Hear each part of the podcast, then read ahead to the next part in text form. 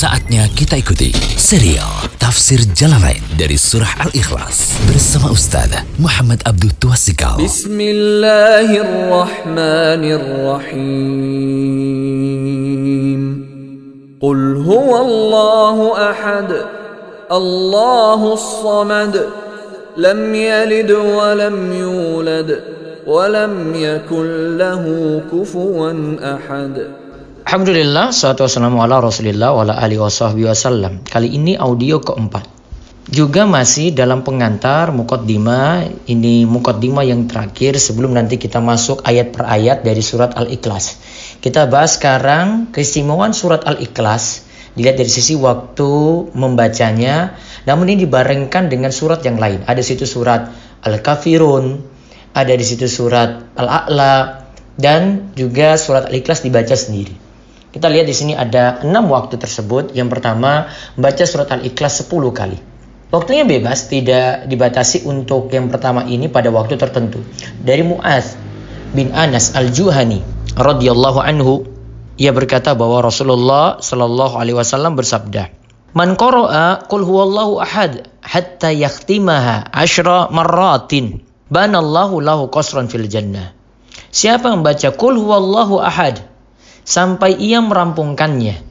Berarti sini yang dimaksud adalah surat Al-Ikhlas ya, sampai ia merampungkannya.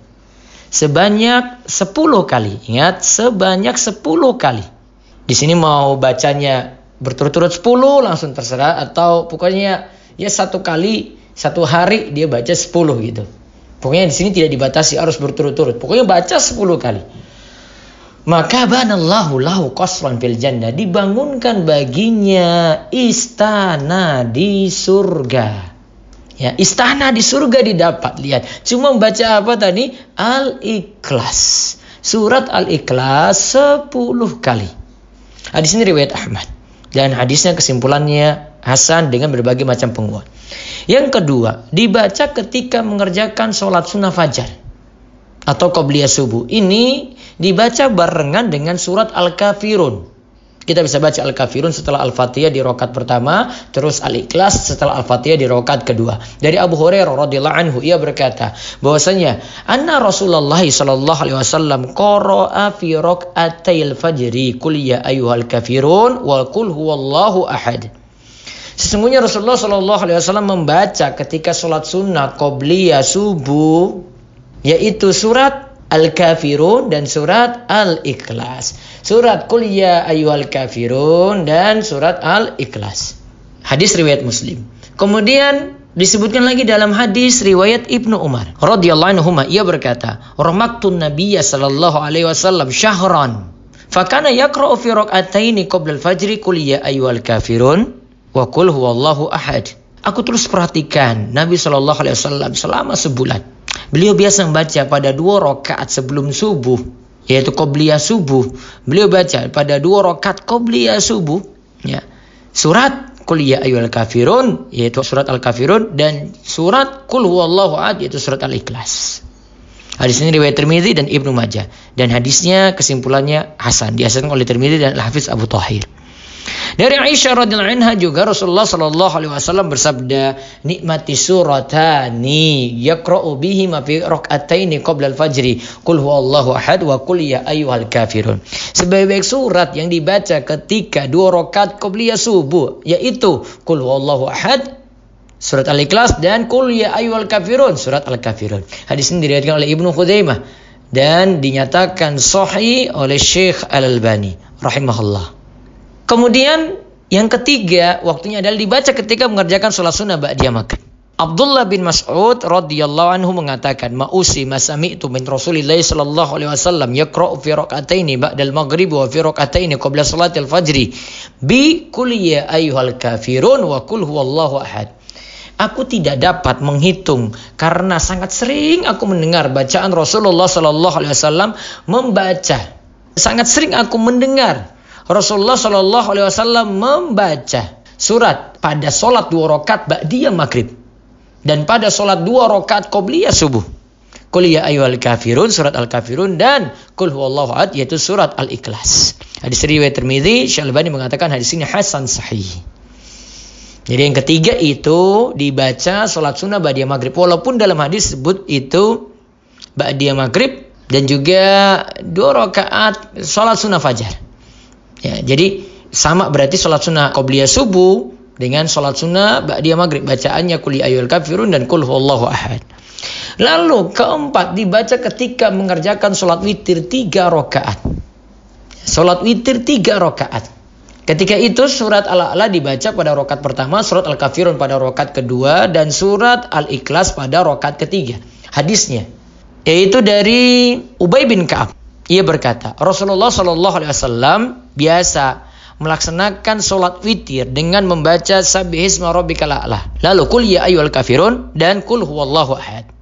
Walaupun ada tambahan di dalam riwayat yang lain dari Aisyah ada situ baca muawizatain. Namun para ulama mengkritik hadis ini doif. Namun kalau membaca pun tidak masalah karena sholat sunnah kan bebas. Mau membaca tiga surat sekalipun dalam satu rakaat setelah al-fatihah dibolehkan. Terus yang kelima dibaca ketika mengerjakan sholat maghrib. Sholat wajib berarti ya. Sholat maghribnya. Dari Jabir bin Samur radhiyallahu anhu beliau mengatakan, karena Nabi sallallahu alaihi wasallam yaqra'u fi salatil maghrib lailatal jum'ati. Qul ya ayyuhal kafirun wa qul huwallahu ahad. Nabi sallallahu alaihi wasallam biasa ketika salat maghrib pada malam Jumat membaca qul ya ayyuhal kafirun dan qul huwallahu ahad. Yaitu membaca al-kafirun dan al-ikhlas. Ini disebut malam Jumat. Jadi kalau mau khususkan malam Jumat pun tidak masalah. Kemudian yang terakhir yang keenam ketika sholat dua rakaat di belakang makom Ibrahim setelah tawaf. Walaupun tidak dapat di belakang makom Ibrahim yang penting setelah tawaf cari tempat di belakang. Ini saat tawaf keliling Ka'bah melakukan itu. Hadis ini dari Jabir radhiyallahu anhu ini tentang hadis yang panjang yang bicarakan tentang masalah haji. Nabi SAW menjadikan makom Ibrahim antara dirinya dan Ka'bah. Lalu beliau melaksanakan sholat dua rakaat. Faja'al al maqam bainahu antara diri beliau dengan Ka'bah. Jadi makom itu berada di tengah-tengah berarti. Ya, makom Ibrahim itu berada di tengah-tengah. Lalu beliau melaksanakan sholat dua rakaat. Dalam dua rakaat tersebut beliau membaca Qul Allahu Ahad surat Al-Ikhlas dan Qul Ya Ayyuhal Kafirun surat Al-Kafirun. Dalam riwayat yang lain dikatakan beliau membaca Qul Ya Ayyuhal Kafirun dan Qul Allahu Ahad. Ini disebutkan oleh Syekh Al-Bani dalam Hajjatun Nabi sallallahu alaihi wasallam halaman 56. Kesimpulannya itu waktu-waktu yang bisa kita baca ada surat Al-Ikhlas baca sendirian, ada surat Al-Ikhlas barengan dengan Al-Kafirun. Kenapa kok dengan Al-Kafirun? Karena surat Al-Kafirun membicarakan tentang kita berlepas diri dari orang-orang kafir. Sedangkan surat Al-Ikhlas kita membicarakan untuk mentauhidkan Allah. Ya. Terus itu juga ada barengan dengan surat Al-A'la pada surat witir. Al-A'la, Al-Kafirun dan Al-Ikhlas. Semoga bisa diamalkan. Bismillahirrahmanirrahim. قل يا ايها الكافرون لا اعبد ما تعبدون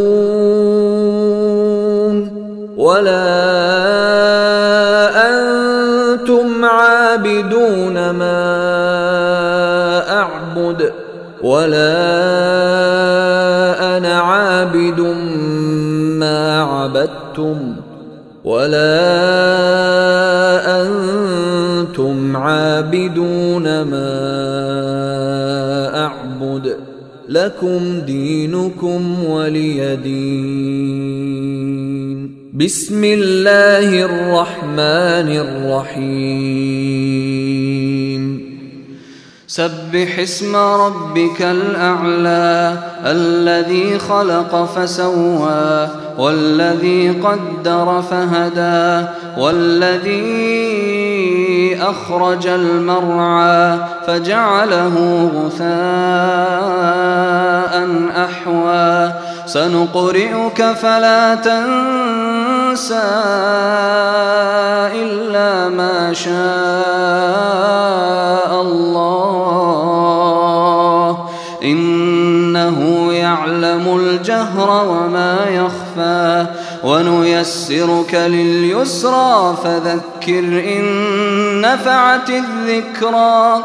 سيذكر من يخشى ويتجنبها الأشقى الذي يصلى النار الكبرى. ثم لا يموت فيها ولا يحيا. قد أفلح من تزكى وذكر اسم ربه فصلى. بل تؤثرون الحياة الدنيا والآخرة خير وأبقى.